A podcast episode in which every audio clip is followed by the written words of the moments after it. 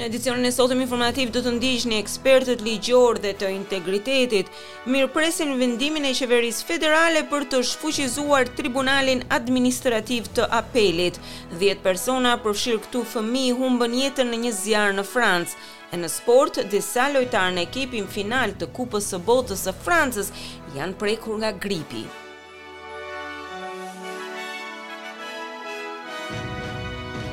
Fillojmë gjerësisht me lajmet, një fëmijë 4 vjeqar i cili i donte dinosaurët vazhdon të frymëzojë fushatën e sigurisë rrugore të nisur nga nëna e tij, 9 vite pasi u godit për vdekje nga një makinë në bregun lindor të New South Wales. Mesazhi urgjent i Michelle McLaughlin është se ky sezon festiv mund të jetë më i rrezikshmi për këmbësorët dhe fëmijët e vegjël, sidomos tani në këtë periudhë kur familjet dynden nëpër vendet e pushimeve. Djali i saj Tom u godit dhe u vra për vdekje ditën e parë të një pushimi familjar në MacMasters Beach në datën gjashtë janar dy mijë e katërmbëdhjetë, pasi një shofer nuk arriti ta shikonte buzë rrugës. Zonja McLaughlin, një infermiere me përvojë nga Sidni, Thotë se e kuptoi menjëherë se djali i saj kishte pësuar një lëndim katastrofik në kokë. Fondacioni i saj, i quajtur Little Blue Dinosaur, është bashkuar me Universitetin e New South Wales për të mbledhur më shumë të dhëna rreth vdekjeve të fëmijëve nëpër rrugë, si dhe për të krijuar disa masa për të ulur numrin e viktimave. Ekspertët ligjorë dhe ata të integritetit e kanë përshëndetur vendimin e qeverisë federale për të shfuqizuar Tribunalin Administrativ të Apelit. Prokurori i Përgjithshëm Mark Dreyfus njoftoi se gjykata e ngritur dyzet e pesë vite më parë për të rishikuar vendimet e qeverisë do të mbyllet e ajo do të zëvendësohet nga një organ i ri.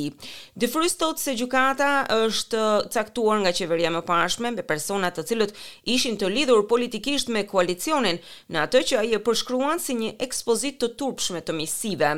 Ai do të zëvendësohet nga një sistem emërimesh të bazuar në merita dhe pritet që të fillojë të funksionojë në fund të vitit të ardhshëm. Vendimi është mirëpritur nga organizata, përfshirë këtu edhe Këshillin Ligjor dhe Qendrën për Integritetin Publik.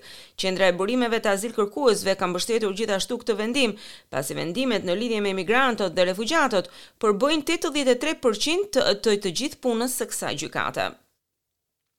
Dhjetë persona, përfshirë këtu edhe pesë fëmijë në moshën tre vjeçare, humbën jetën në një zjarr gjatë natës, i cili shkatërroi një ndërtesë apartamentesh shtatëkatëshe në një nga periferitë më të varfra të qytetit francez të Lionit.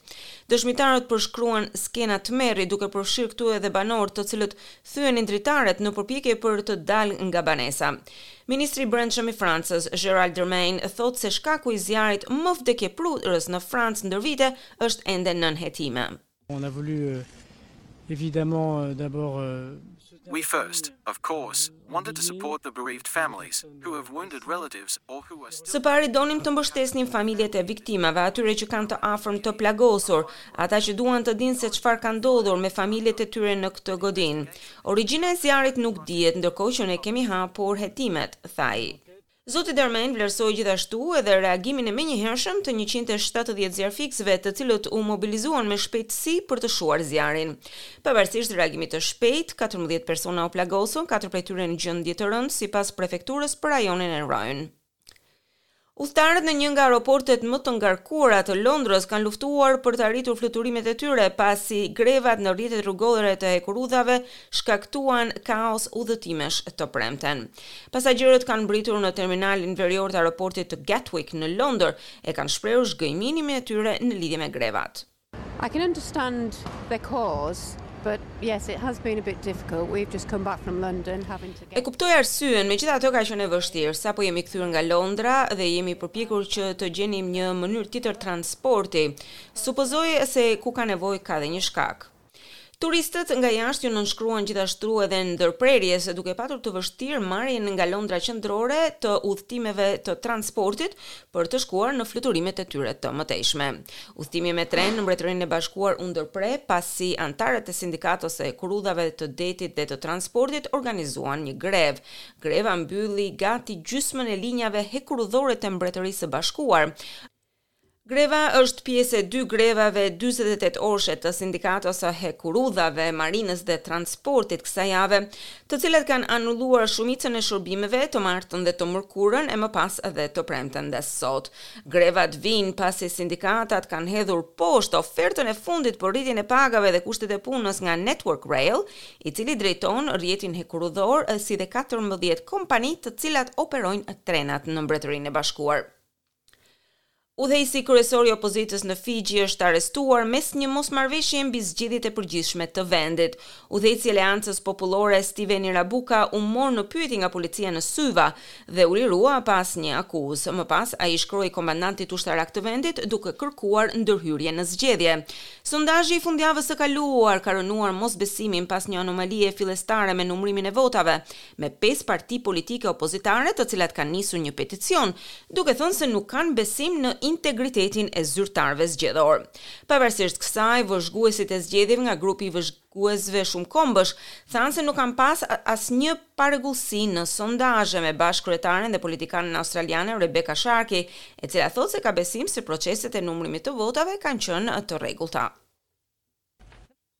The MOG did not observe any significant irregularities or issues. Nuk kemi vënë re asnjë parregullsi apo çështje gjatë votimit dhe para votimit, me postë apo votimit gjatë ditës së zgjedhjeve. Ne vlerësojmë se votuesit fixhianë ishin në gjendje të ushtronin të drejtën e tyre për të votuar lirisht. Aleanca Popullore e Rabukas, partia Fiji First e kryeministrit Frank Bainimarama janë ata të cilët ndodhen në qendër të votimit, të dyja me tridhjetë e tetë për qind më shumë se një e katërta e qendrave të votimit të numëruara. Rezultati përfundimtar pritet të dalë nesër. Presidenti Volodymyr Zelensky ka dënuar sulmin e madh në Ukrainë pasi forcat pushtuese ruse kanë hedhur dhjetëra raketa në të gjithë vendin, duke shkaktuar ndërprerje të gjera emergjente të energjisë elektrike. Zelensky thotë se njëqind raketa janë rrëzuar në të gjithë vendin. Today's result is sixty missiles shot down, all air commands, center. Rezultati i sotëm ishte gjashtëdhjetë raketa të rrëzuara. U dalluan të gjitha komandat ajrore, qendra, jug, lindje dhe perëndim. Luftëtarët e Brigadës së nëntëdhjetë e gjashtë të raketave kundërajrore të cilat mbulojnë rajonin e Kievit ishin veçanërisht efektive.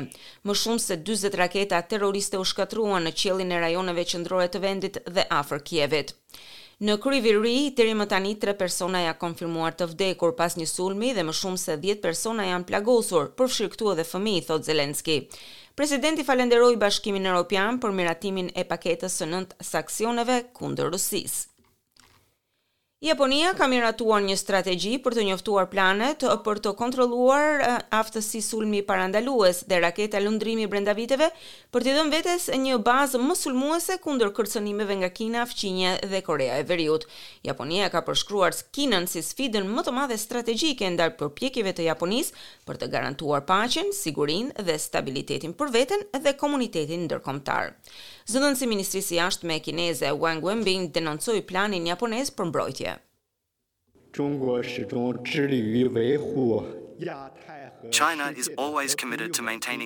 Kina është gjithmonë e përkushtuar për të ruajtur paqen dhe stabilitetin në Azi dhe Paqësor. Kina është partner dhe shfrytëzon mundësi zhvillimi për të gjitha vendet. Pala japoneze shpërfill faktet, devijon nga angazhimi i saj për marrëdhëniet Kinë-Japoni, mirëkuptimet e përbashkëta mes dy vendeve dhe diskrediton pa bazë Kinën. Kina e kundërshton me vendosmëri këtë dhe vazhdimisht e ka bërë të qartë pozicionin tonë te palës japoneze nëpërmjet kanaleve diplomatike. Zoti Wang thotë se qeveria e tij e kundërshton me vendosmëri dokumentin, si dhe i kërkoi Japonisë të respektojë shqetësimet e sigurisë së fqinjëve aziatikë si dhe të veprojë me maturi në fushën e sigurisë luftarake.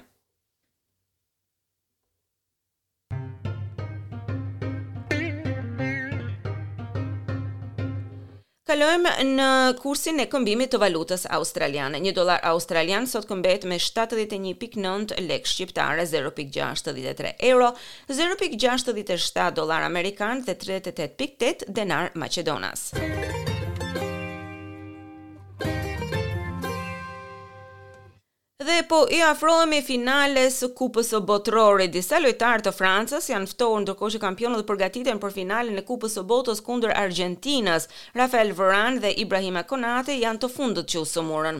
Qendërmbrojtësi Dayot Upamecano dhe mesfushori Adrien Rabiot humbën fitoren dy zero të të mërkurës në gjysëmfinale ndaj Marokut për shkak të sëmundjes.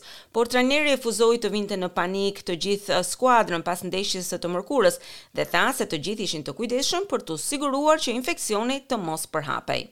Një zyrtar francez i shtypit në përgjigje ka thënë se Randal nuk është mjek dhe se ekipi do të komunikojë për sëmundjen më vonë.